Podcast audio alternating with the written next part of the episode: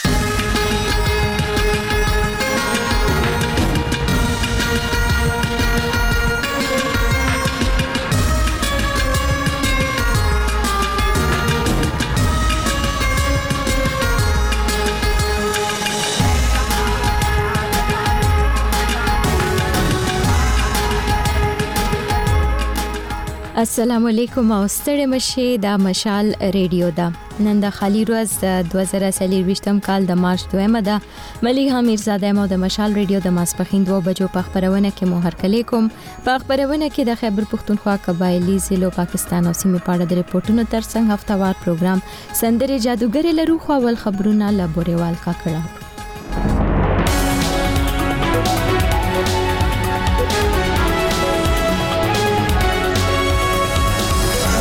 لومړی د مهم خبرونو سره ټکی په خیبر پښتونخوا کې د زیات باران او واور له کبله لړته لږه نه تنه وجل سوي د پیپلز ګوند مخکښ سرفراز بوکټي د بلوچستان اعلی وزیر ټاکل سوی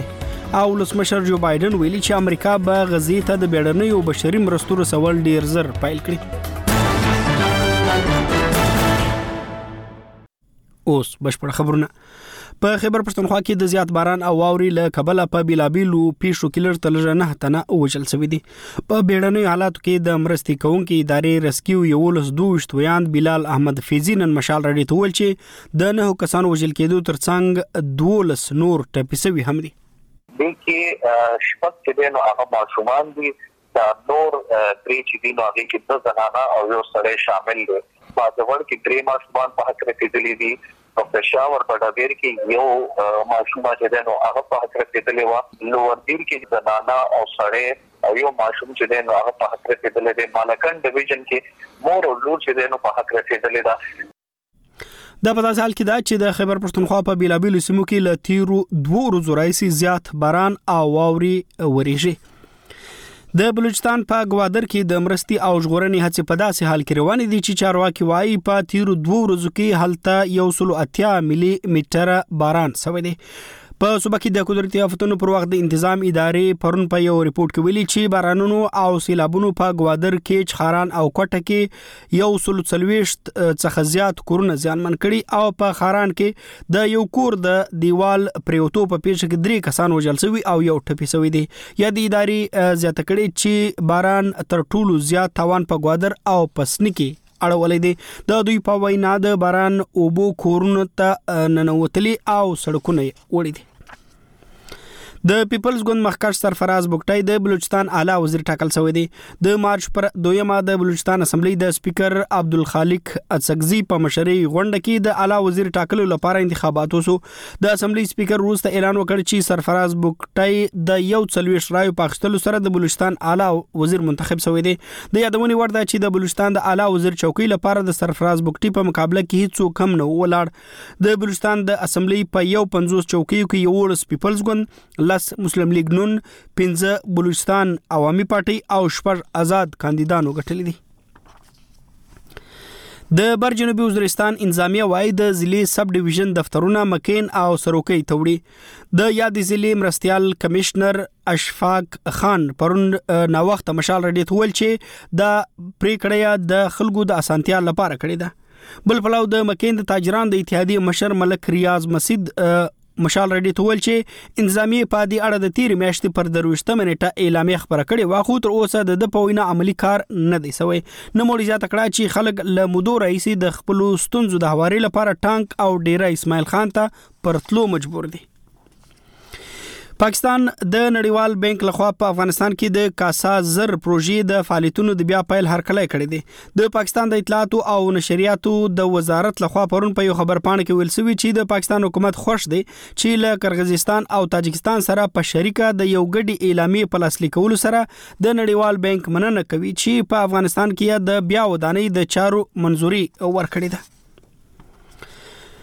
ولسمشر جو بایدن ویلي چې امریکا به غزې ته د بیړنیو بشري مرستو رسول ډیر زر پیل کړي نوموړي پروند دا اقدام له هغه یو ورځ وروسته اعلان کړ چې په غزا کې د حماس د روغتیا وزارت په وینا لږ تر لږه یو سل پنځلس فلسطینیان وژل شوي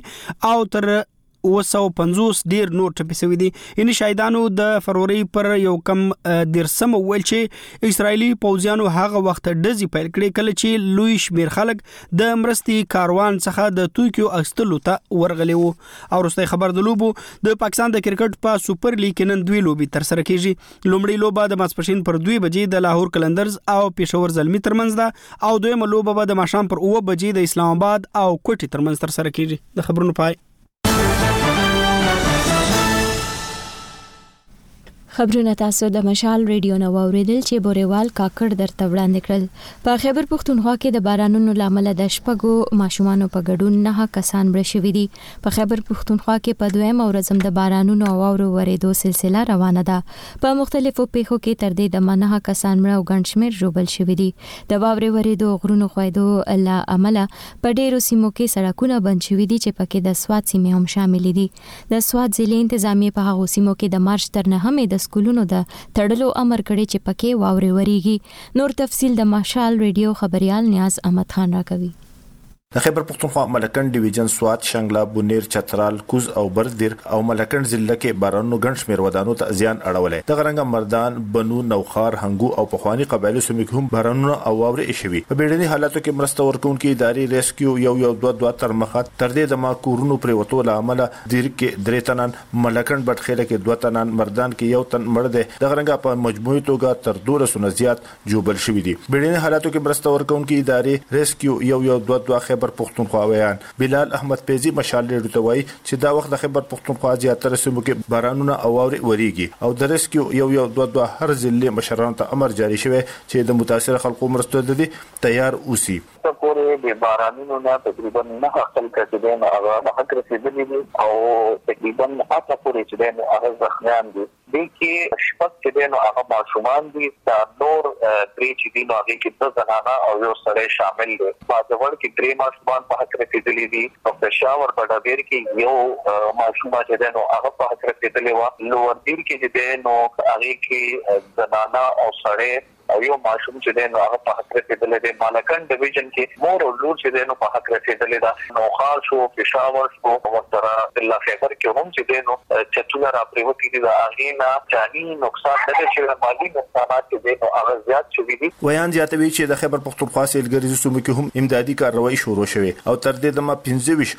واورو کې بند سیلانیانو ته مرستې ورکړی شوي. دغه د سیاسي مقامات چې کوم دي د شلي کلیات والا سایډ شو، لواري تنل شو، چترال شو، سوات مالب جبه کې چې دی نو مونږ بیګا د د مختلف ټوریسټ وو هغه کیرو تقریباً پچیس نه زیات خلک چې دی هغه مونږ ریسکیو کړي دي او دې سره سره زمونږ چې دی نو مختلف ځایونو کې میډیکل کیمپس هم قایم دي ولې چې برفباري ده زیات تر خلک چې دی نو هغه کتو له راځي. تیار وي خو هغوی سره د موسم د دې دغه نه وي نو زموږ کوشش دا وي چې موږ هغوی ته هم خدمات ورکړو. د خیبر پښتونخوا بیړني حالاتو کې مرسته ورکوونکې ادارې پي ډي ایم ای له خوا جاري کړای شوي مالوماتو تر مخه ټوله صوبه کې د بارانونو او واورې نه زیانونو بچ کیدو لپاره ډیپټي کمشنرانو ته هدایت جاري کړای شوي د یادې ادارې ویاند تیمور علي وویل چې د زیانونو په اړه مالومات راټولوي بلخوا د موسمیاتو محکمه وایي چې راتلونکي څلیرویشت ساعته پورې به د بارانونو او واورو وریدو سلسله جاري وي. سوات کې ډپټي کمشنر د زیات بارانونو او واورو له وجې د غرېزو سیمو سل پورې تعلیمي ادارې د نهم مارچ پورې تړلو اعلان هم کړی. نیاز احمد خان، مشال ریډیو، سوات.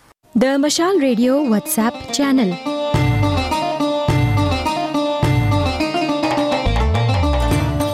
د مشال ریډیو پر واتس اپ چینل ویډیوګانو، تصویرونو، غږیزو خبرونو او لیکلي راپورونو ته لاسرسي پیدا کړئ د خپل واتس اپ کینی یا چپی خواته د اپډیټ برخه ته ورسی او بیا د چینلونو د لټون په برخه کې مشال ریډیو لیکه په دې توګه تاسو د مشال ریډیو واتس اپ چینل پیدا کولای او ورسره ملګری کېدل شي د مشال رادیو د واتس اپ چینل لینک له ملګرو سره هم شریک کړئ تاسو د مشال ریډیو خبرونو ته وګورئ چې د انټرنیټ په پته mashalradio.com باندې هم لوستلې او ریډلې شئ عوامي نشر ګوند وايي په انتخاباتو کې درغلې شوې دي او دوی به د احتجاج په توګه د هر ډول پارلماني ټاکنو نه بایکاټ کوي د ګوند مرکزی مشر اسفندیار ولی خان په یو بیان کې ویلي چې دوی د پارلمان او جمهوریت په پیاوړتیا باور لري او اوس په د پارلمان نه بهر د حقونو لپاره مبارزه کوي تر دې وړاندې جمعیت علما اسلام فی هم په انتخاباتو کې د درغلې تورونه پوری کړی او د سپیکر ډیپټي سپیکر او وزیر اعظم په انتخاباتو کې د ګډون نه انکار کړی دی دا چې دا رقم احتجاجونه به څه اغېز ولري او که څنګه، په دې اړه معلومات د شبیر جان په رپورټ کې اورو. د عوامي نیشنل ګوند مشر اسفندیار ولي خان تورونه لګولي چې په اتمه فروری ټاکنو کې په لویه کچه درغلۍ شوي دي او د پیسو اخیستلو په بدل کې خلکو باندې څوکۍ ویشل شوي دي. نوموړي د فبرورۍ په نهه ویشت مه په خپل اېکس، چې وړاندې ټوېټر وو، لیکي چې په تېرو ټاکنو کې د پیسو استعمال مثال نه ملاوېږي او باید حقیقي ولسي استازو ته د خپل حقونه ورکړل شي کني د دوی ګوند به د هر ډول پارلماني ټاکنو نه بایکاټ کړي. دا چې د دوی یا جمعیت علما اسلام فې ډلې له خوا دا ډول ګامونه به څه اغېز وغورځوي او که نه؟ نو پېښور کې خبریال او شنونکی صفي الله ګل مشال لېړو ته وايي. که عوامي نېشنل پارټي موږ هغه وګورو نو يو خو دا دی چې په اسمبلي کښې د دوي د پوزيشن څومره دی کنه څه داسې نه ښکاري چې ويايي چې کنه د دوي د دغه او که روډونل يا دغه نه او احتجاج کنه مستقل دوي د کوي هغه يو بېل هغه ده خو جي يو آي خو بيا هم کنه يو داسې پوزيشن و چې که په خېبر پښتونخوا کښې وګورو نو نهه سيټونه کنه د خواتين چې کوم ريزرو دوه سيټونه دي هغه سره دوي د نهه غاو. په اتمې فرورۍ شوې ټاکنو په اړه یو شمېر نور سیاسي ګوندونه هم دا ډول تورونه لګوي او وخت په وخت یې احتجاجونه هم کړي دي نو آیا دا به دغه احتجاج کوونکي سیاسي ګوندونو ته څه سیاسي ګټه ورورسوي او که نه نو لیکوال او څېړونکی چې د پښتونخوا په سیاست نظر لري شمس مومند وايي. زما خپل خیال دا دی چې د سیسي څخه خاص فایده نه کیږي البته ملک او قوم له او عوامو ته به نقصان ضرور کوي ولې چې په ملک کې به عدم استحکام جوړیږي او د خلکو امید او توقعات دو چې انتخابات وشي نو په ملک کې به سیاسي استحکام راشي خو که فرض کا د هر یو سیاسي ګوند څنګه چې تاسو ویلې چې دا ټول په احتجاج باندې دي نو بیا به څنګه استحکام راځي چې تر څو پورې سیاسي استحکام را نشي نو معاشي استحکام به نه راځي. دا د مننه چې عوامي نېشن ګوند په اتمه فرورۍ شوې ټاکنو کې خیبر پښتونخوا کې یو او بلوچستان اسمبلۍ کې دوه څوکۍ ترلاسه کړې دي. او له هغې وروسته یې په صوبه کې احتجاجي تحریک پیل کړی دی او په ریاستي ادارو په ټاکنو کې د لاسوهنې، ټګۍ او د پیسو اخیستلو د لارې امیدواران کامیابیولو تورونه هم لګوي خو د دغه تورونو په اړه الیکشن کمیشن یا نور ریاستي ادارو هیڅ نه دي ویلي خو پاکستان پوځ، نګران وزیراعظم انورالحق کاکړ او الیکشن کمیشن د اتمې فرورۍ ټاکنې شفافې او ازادې ګرځولې دي. شبیر احمد جان، مشال ریډیو. پېښور.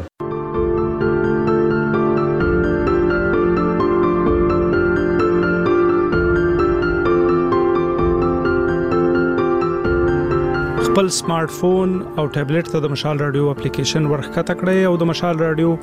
ټولو مطالبو ته هر ځای لاسرسي ولرئ طریقه ډیره اسانه ده M A S H A A L RADIO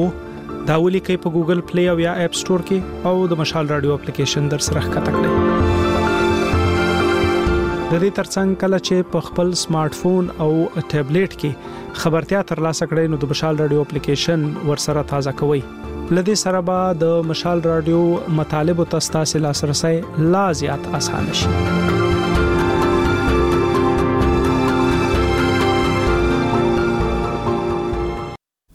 د مشال ریډیو خبرونو ته تاسو غوږی د سویلي وزیرستان انتظامی چارواکي وای پریکړه کړې ده چې د ضلع د سب ډیویژن دفترونه مکین او سروکې سیمه ته منتقل کړي د سیمې ډپټي کمشنر ویلي دا اقدام یې د خلکو د اسانتیا لپاره اخیستی دی خو د سیمې اوسیدونکو غوښتنه کړې ده چې د سب ډیویژن دفترونو منتقل کولو سره سره دی د ضلع هډ کوارټر د ټانک نه بر سویلي وزیرستان ته د وړلو انتظام وشي د یادونې ده چې د خیبر پښتونخوا حکومت په کال 2022 کې سویلي وزیرستان اپر ته د ضلع درجه ورکړې خو د ضلعي چارواکو دفترونه یې ورته لا نه دي منتقل کړي. تفصیل د مشال ریډیو خبریال اشتیاق مسید په دې رپورټ کې راکوي. د سویلي وزیرستان اپر ضلعي ډپټي کمشنر مشال ریډیو ته ویلي دي چې د ضلعي سب ډویژن دفترونه یې د خلکې سهولت د پوره ماکین او سروکۍ سیمې ته منتقل کړي دي. ډپټي کمشنر اشواق خان په دغي باره کښې وایي.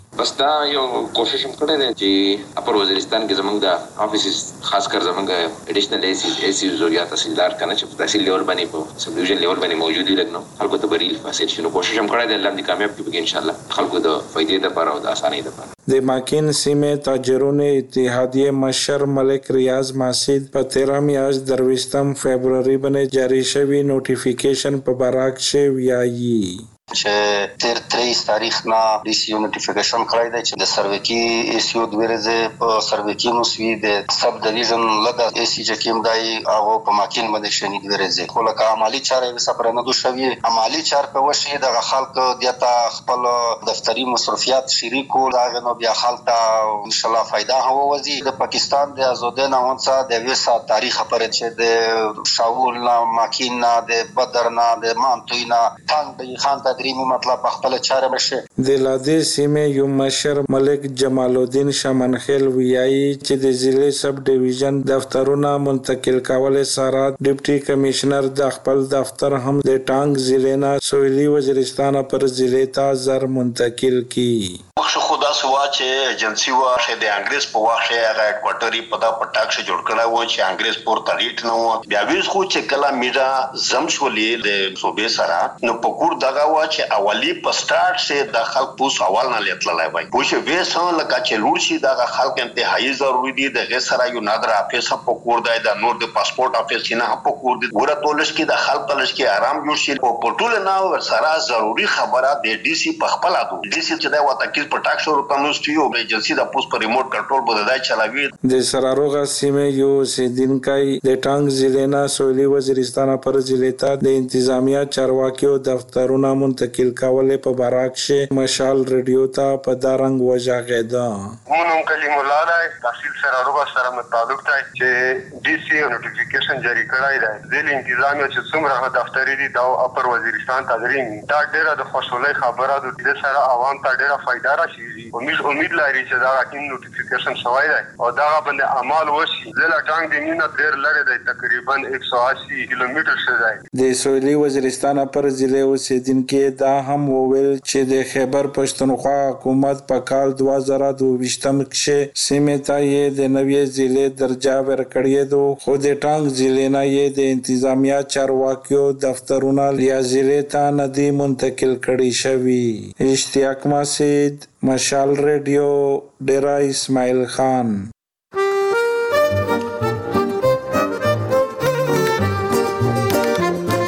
د مشال رادیو یوټیوب چینل دوه لک نه زیات سبسکرایبرز لري تاسو هم را سره ملګري شئ مونږ په youtube.com/mashalradio کې موندلې شئ مونږ تر اوسه له 9000 زیات ویډیوګانې خبرې کړې دا لړۍ دوام لري او هر ورځ نورې ویډیوګانې هم درته خبرو له مشال رادیو سره ملګری شئ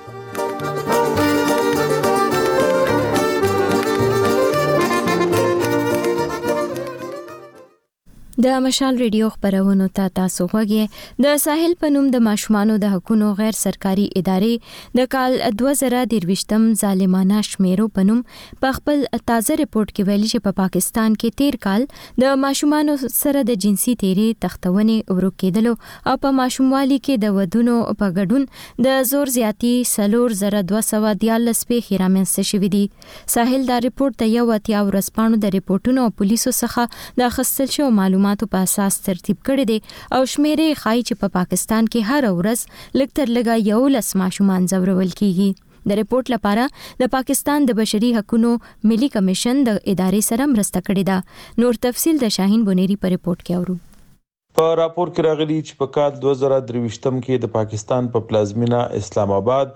څلورو واړو صوبو کشمیر او ګلګت بلتستان کې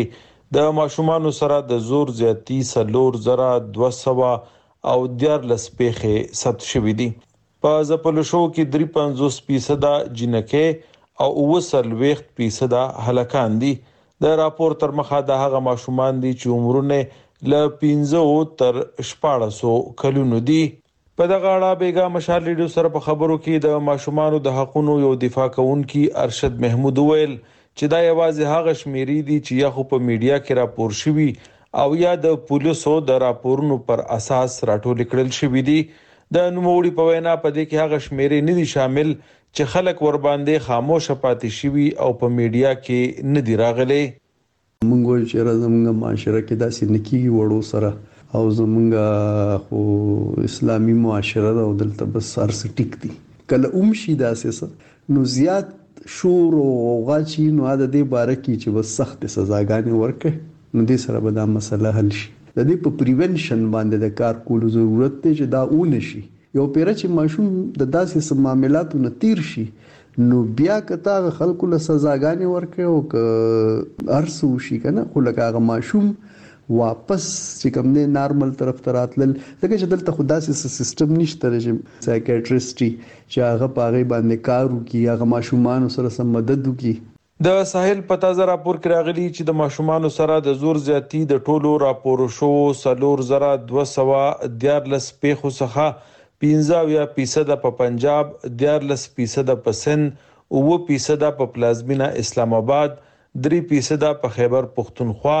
او دوه فیصده په بلوچستان، کشمیر او ګلګت بلتستان کې رامنځته شوي دي. راپور وايي چې د ماشومانو نه په ناوړه ګټه اخستونکو کې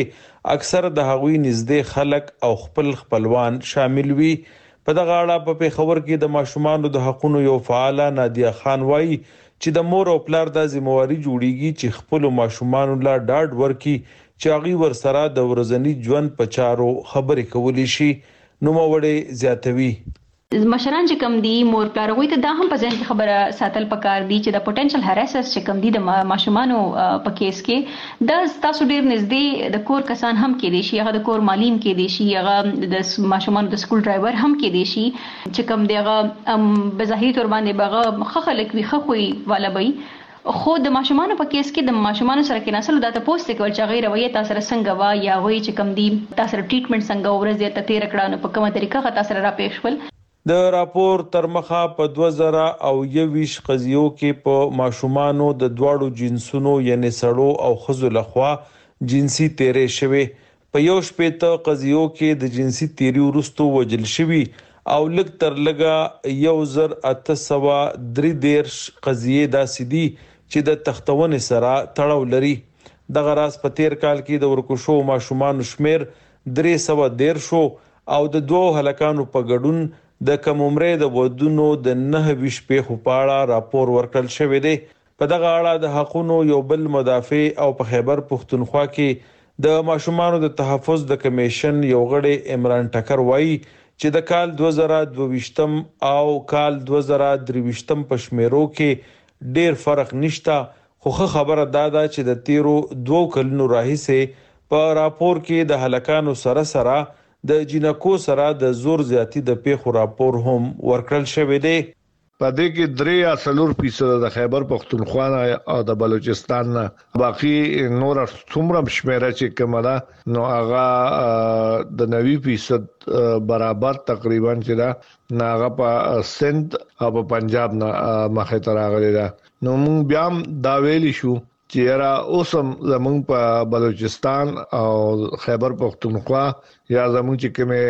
زمشوي قبایلی سیمې دي نو دلته اوس هم کیسونه چې دینو هغه شانته نه رپورت کیږي څنګه چې په پنجاب کې رپورت کیږي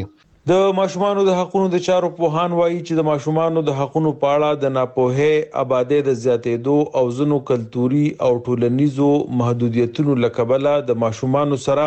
د زور زیاتي پېښې زیاتې شوې دي. په کال دوه زره اتلسم کې د پنجاب په قصور کې د زینب په نامه یوه شپږ کلنه جینۍ وتښتول شوه، جنسي تېری ورسره وشو او بیا ووژل شوه. د پاکستان وفاقي حکومت د دغه پېښې نه وروسته په کال دوه زره شلم کې د ماشومانو د حفاظت لپاره د زینب الرټ ریسپانس اینډ ریکوري اېکټ منظور کړ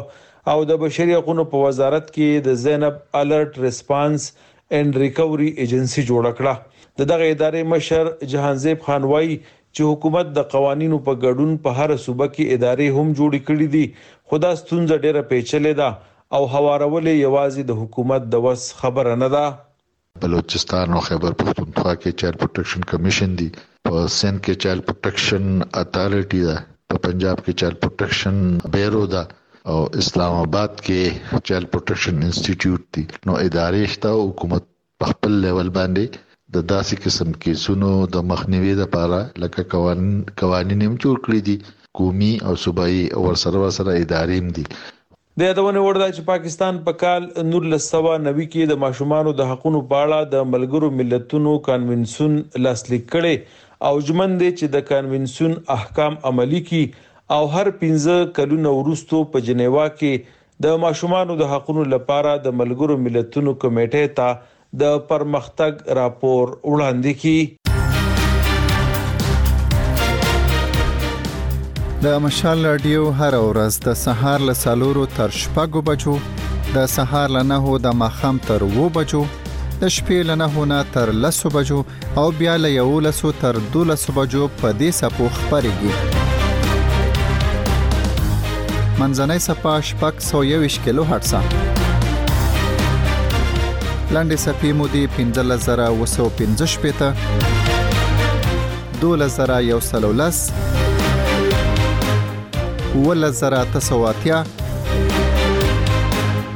او 14500 کیلو هرتز اوریدونکو ته یادونه کوو چې مشال ډیو لدی وختونو نه د سهار له سالورو تر شپږو بجو د مازیګر له شپږو نه تر وو بجو د شپې له نه نه تر لسو او بیا د شپې له یو لسو نه تر دولسو بجو په منځنۍ سپه شپږ سوه یوویشت کیلوهرتز خپرېږي. په پاتې یادو شوو وختونو کې مو یوازې په لنډو څپو اورېدلی شئ.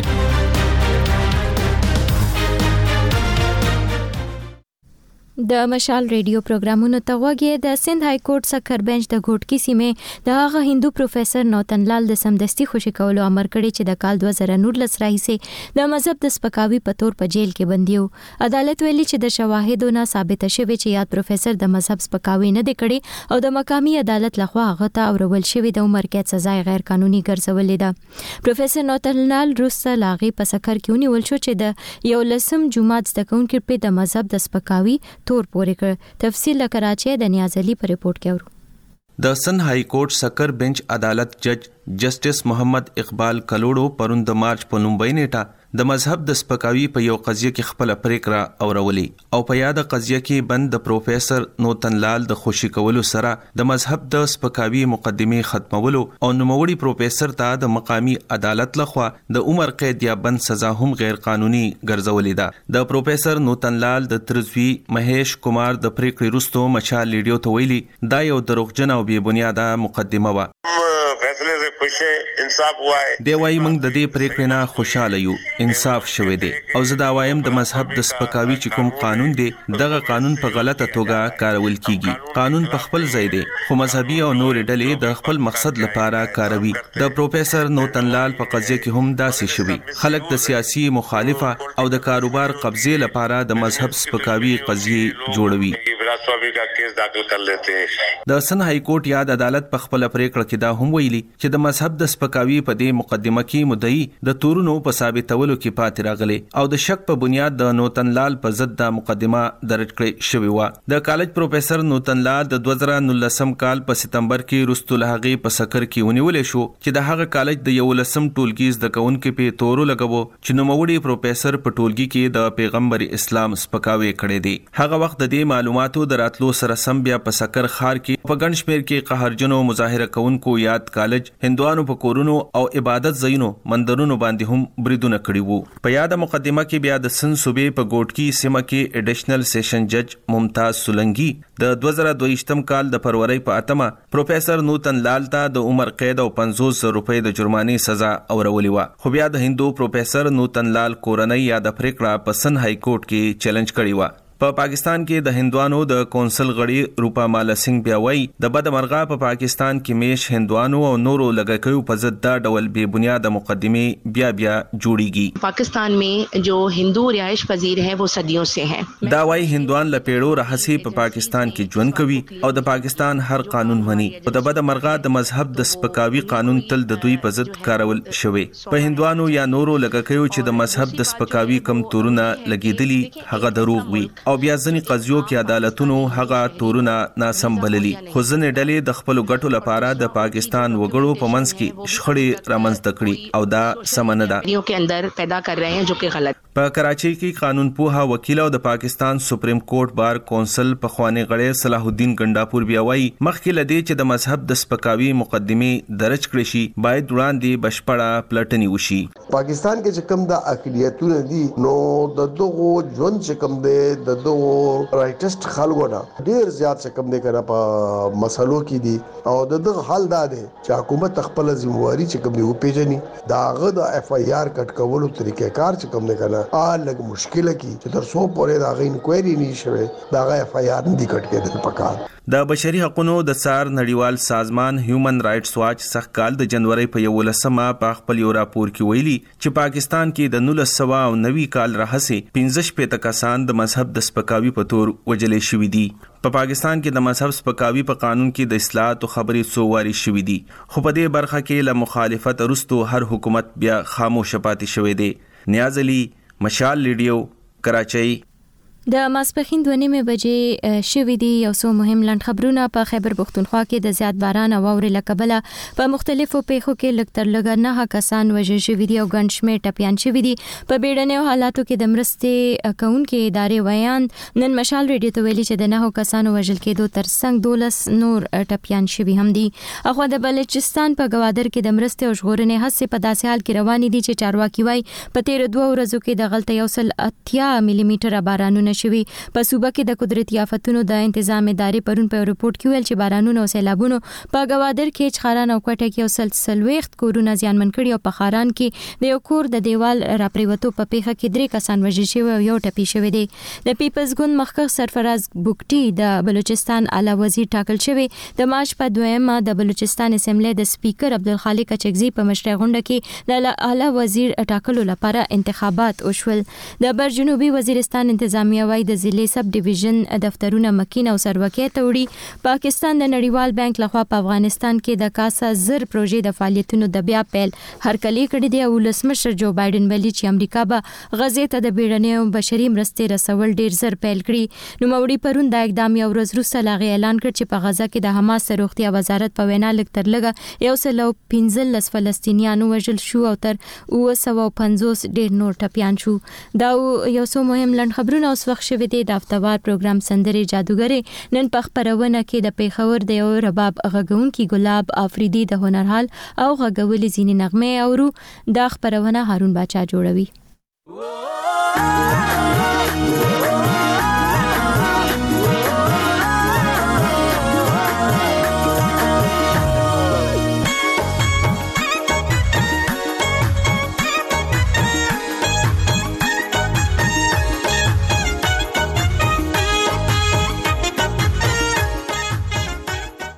ستړي مشئ زه هارون بچای موریدونکو د مشال رادیو سندره جادوګره خبرونه می درته راوړي د دې ونې په خبرونه کې د پیښور د یو نومیالي هنرمن رباب غږونکي ګلاب اپریدي د ژوند د هنر حال او دغه د رباب ځنې نغمه اورو اپریدي د وی هنري کورنۍ دی وایي له ماشوموالي د موسیقۍ زده کړې پیل کړي اول به هارمونیم غږوله، سندرې به یې ویلې، خو له رباب سره خپل شوق د همدې ساز زده کړې او غږولو ته اړ کړ. ګلاب اپریدی په پیښور کې د رباب د زده کړې یو مرکز چلوي او بېلابېلو هیوادونو ته یې هنري سفرونه هم کړي دي. د ژوند او هنر حال یې له ده اورو، خو تر هغې مخکې په رباب غږولې د کلاسیکل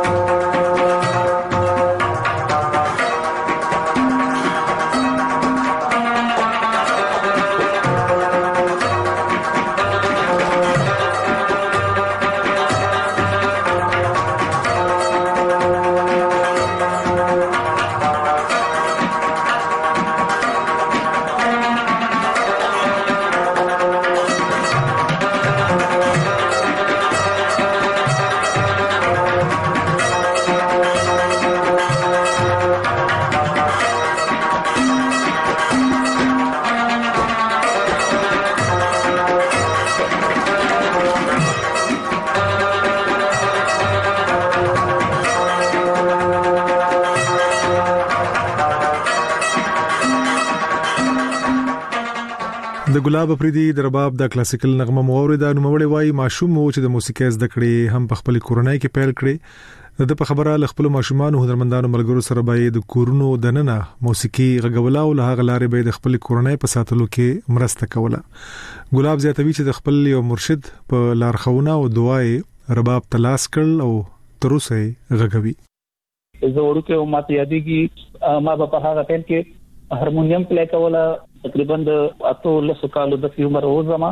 د پلار مشره زویم ما با کېده د موسیقي هغه غاز د فیملیز پروګرامونو نه وکړو چې نکریزي به وي یا به کېدن و یا به واده و دا اکټیویټیز هم اکثر لکول رباب مې د ماشومتوب نه ډیر زیات خوښو او ما باندې به د رباب اواز ډیر روغ او ډیر خوږ لګیدو نو بیا ایز سنگر بیا پکې ریډیو ته لاړم یو پروګرام ځوند ریډیو کې وکړل نور لساو درې نوي کې د څه پکې ټلویزیون ته لاړم هلته مې پروګرامونه وکړل خو څونکې بس ما به هغه ټایم کې زموږ په برادرۍ کې ساده خیل استاد به رباب غږولو نو زه دا غنه ډیر انسپایر وم هغه ټایم هغه خپل رباب غږولو بیا داسې ناست به زما کې دی زما څونکې ژوند داسې فقیرانه دی نو زما یو مرشد سید حیات شاه بچا نو دا هغه هم رباب ډیر زیات خوخو دا هغه سره به داسې کې ناستم نو هغه د ما کولی کولای دي یو ورځ داسې اتفاقا یو موقع راغله چې باباجي ماته فرمایل چې ګلاب بیټه زما خو کوالی ته ډیر زړه کیږي چې کوالی ستا او ورو د رحمان بابا نو ورته وی چې یاره باباجي زه خو حاضر یم راغلی یم زی خو نه خو څوک د رباب والا شته نه څوک د تبلې والا شته نو هغه لږ داسې یو ملت خاموش شو جمع ته یو ملت بعد وایي چې ته د ستلو ته زما کمره کې رباب پروت دی هغه رباب لږ ماته راوړه نو زه لاړم هغه رباب مې راواخستو نو هغه ما نه واخستو ځکه کې کې خو د شون کې هغه په رباب یاد نه و بس هسې هغه یو څو زخمتونه ورکړل رباب ته یو څو ټنګونه ورکړل او بیا ما ته راکړو رباب ما ته وی دا والا ځان سره نو ما ته وی چې غږوا نو ما ورته ویل یاره زی رباب خو زما ډیر خوښ دی خو زی ما په یاد نه دی داسې لږ غلی شو داسې یو لس شل سکنټه بیا ما ته وایي چې مړه ستا نه ښه هېڅ وکم نه شي غږولی بس ته غږوه هغه بس چې زما غېږ ته رباب راغی بیا زه هم نه یم پوه شوی بیا په هغې کې ما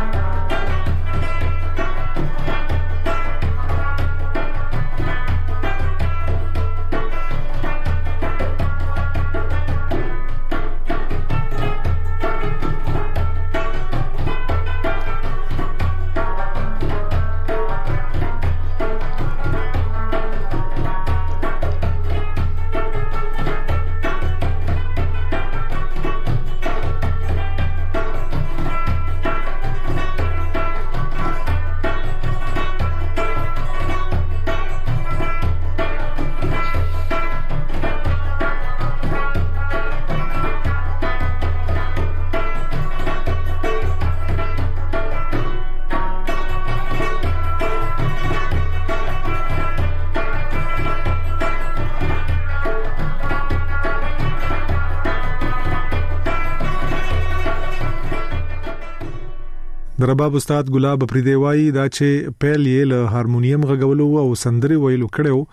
د چارو ورسره د رباب غږولو په زده کړه کې مرسته کړې د په پښتونخوا او افغانستان کې د رباب نومیالي استادان را پیژني او د خپل استادانو په اړه هم معلومات راکوي چونکه زموږ خو یو پروفیشنل کورنۍ ده نو یو خو ما سره د هارمونیم ډیر غټ سپورټ نو د ازي ماته په رباب کې ډیر زیات مدد راکړو او چونکه زموږ مشرانو د هغه ټایم خخ استادان لکه استاد بختیار احمد صاحب بازرم استاد ژوندی وو د دې نه علاوه ضمیر بابا چې کوم یو ډیر غټ نوم دی د رباب هغه د پښتو د پر صبر خدمات دی هغه د چانه پټ نه دي او د افغانستان په سیمه باندې لکه استاد محمد عمر استاد جیلانی ډیر زیات خوږي او ډیر خوږ رباب او په ځلمی کول کې بیا هم سخی صاحب چې کوم دی نو ډیر غټ تر نوم دی خو زما د موسیقي د کلاسیک زده کړنه د خپل استاد امانت علي خان نه کړې وه د پېښور چونکې هغه یو ګیټار پلیر او مندولین به مغږولو ما دا هغه سره شاګردي وکړه هغه ته ما سنت ورکړو مونږ ورته شکر وایو په پښتو کې دا غي نه علاوه دي زما سره د استاد نذیر ګل ډیر غټ سپورټ وو د دغه کوشش وو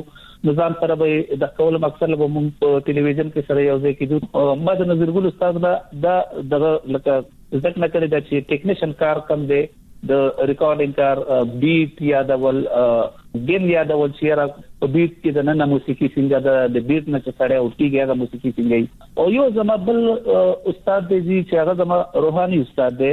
استاد رئیس احمد خان وایلنست زما د هغوی سره ناسته ډېره زیاته شوې ده، ولې چې موږ ټوور سره ډېر یو ځای کړي دي، تقریبا اووه اتو ملکونو ته سره یو ځای تللي راغلي یو.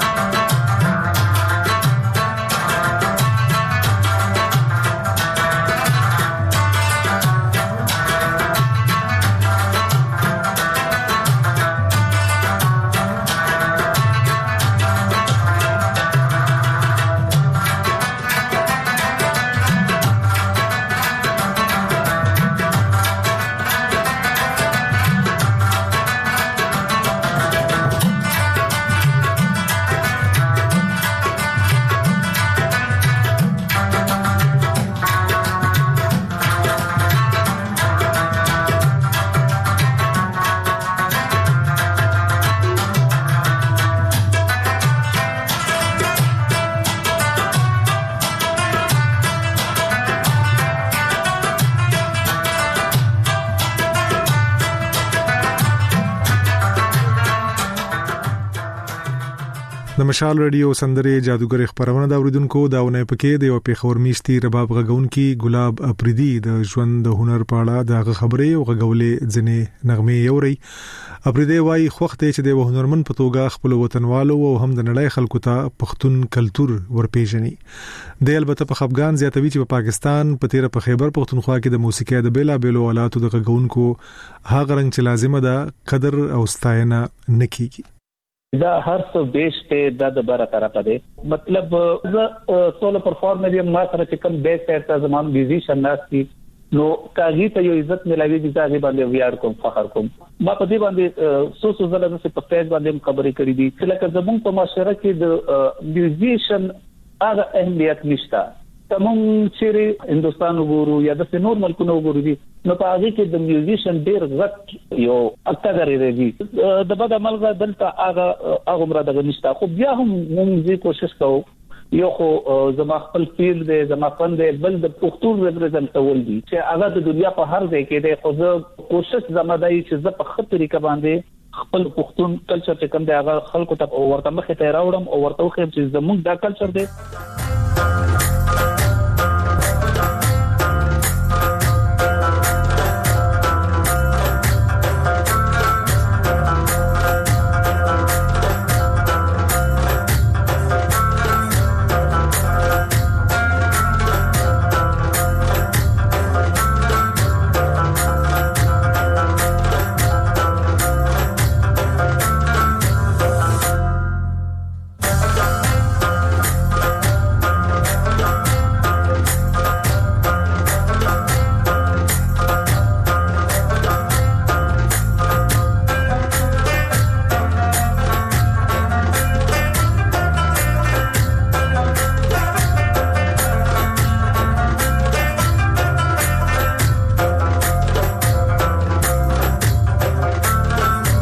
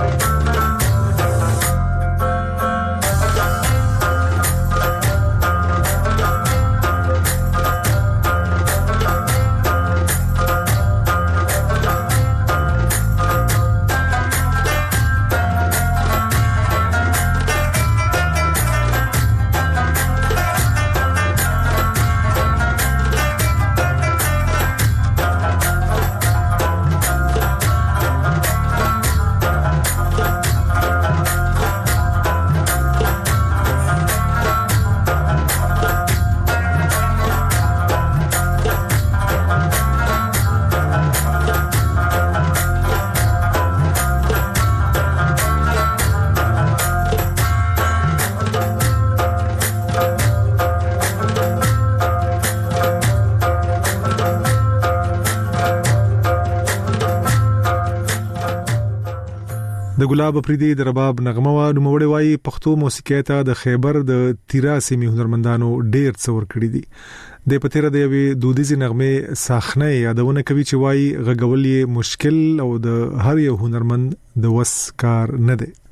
په تیرا کې یو څو ډیر غټ استادانو چې پاږي کې استاد دورانو استاد شاهد ګل دا زما نیکه چې کوم دی دا اوځي. د خیال لالا دي د کورنۍ پکې دا مشران وو سپین دادا دي او داسې. وو خلک وو چې هغې پښتو موسیقۍ ته یې ډېره وده ورکړې ده. که موږ چېرې د ساقنۍ ذکر وکړو نو ساقني چې کومه ده دا زموږ مشرانو ایجاد کړې ده. د موسیقۍ شروعات به د ساقنۍ نه کېدو دا په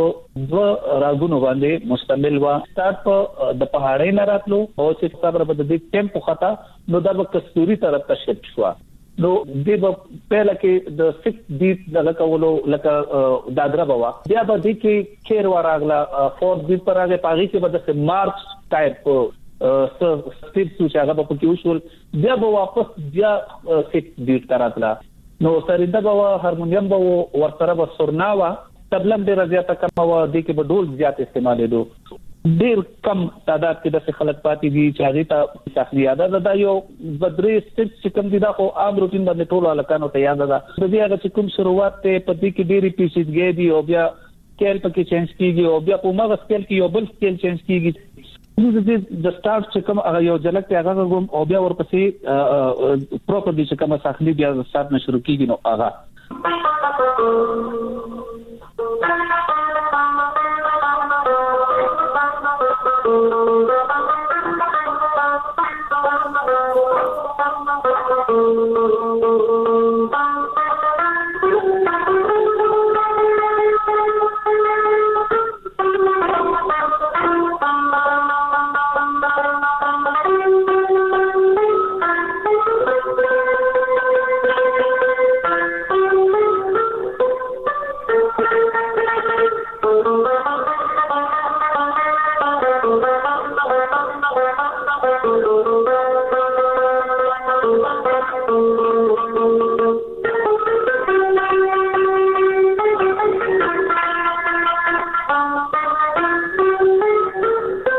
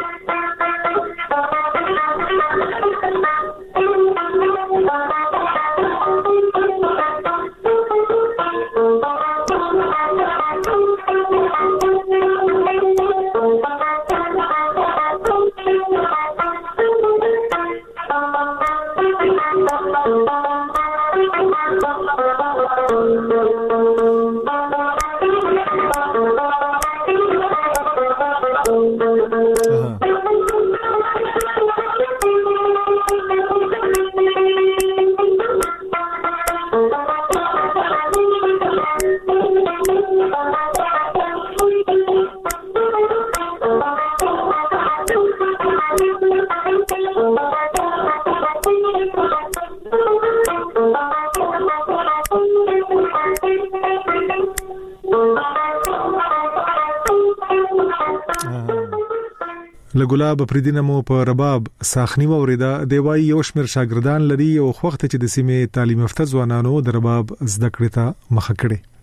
زموږ چې کوم مخکینه زوړ بازار دی چې ختم شوی دی د درې بازار نو اوس په صدر کې یو ورکوټه شان انسټیټیوټ ته نو پاره کې سټوډنټ ما ترازی تقریبا د اتونه لسو پورې لکان دي په هفته کې یو کلاسي په اتوار په اتوار باندې داغي کلاسي تقریبا د دوه نه درو غنټو پورې کلاس دي دغه شانتي ورسره انلاین څه کلاس دي چې د سټوډنټس دي په امریکا کې دي په کینیډا کې دي په دوبۍ کې دي یو د ملګری په یورپ کې دي یو خو د سې چې پروفیشنل الکانی په مارکیټ کې چې عظیم د پویګم چې را دا اوس پروفیشنل دی دا یو جون په رواني د بچو رزق کې رواني سراغي د لپاره خو بیا هم دغه د شکرې لاین اغي اکثر لا د دې طرف ترازي کوم چې زما سره نون پروفیشنل سټوډنټس دي لکه ینګسټرز دي زیات تر پکې سټوډنټس دي د کالج دي یا د سکول دي یا د یونیورسيټي نو اغي تبیا د منتلی پیس باندې کلاسز کوم خو زه خو په شرابو ته چې څومره ینګسټرز دي هغوی ته وایم چې خامخا تاسو شوق لرئ نو موږ سره اړیکې ونیسئ موږ سره مخ شئ نو ان شاء الله موږ تاسو ته سم لار ښیو او تاسو به موسیقي په داسې طریقه باندې کوئ چې تاسو باندې به څوک ابجیکشن هم نشي کولای په سندرې جادوګرې خپرونه کې مو اوریدونکو دا اونۍ د پېښور میشتي رباب غږونکي ګلاب اپریدي خبرې واورېدې.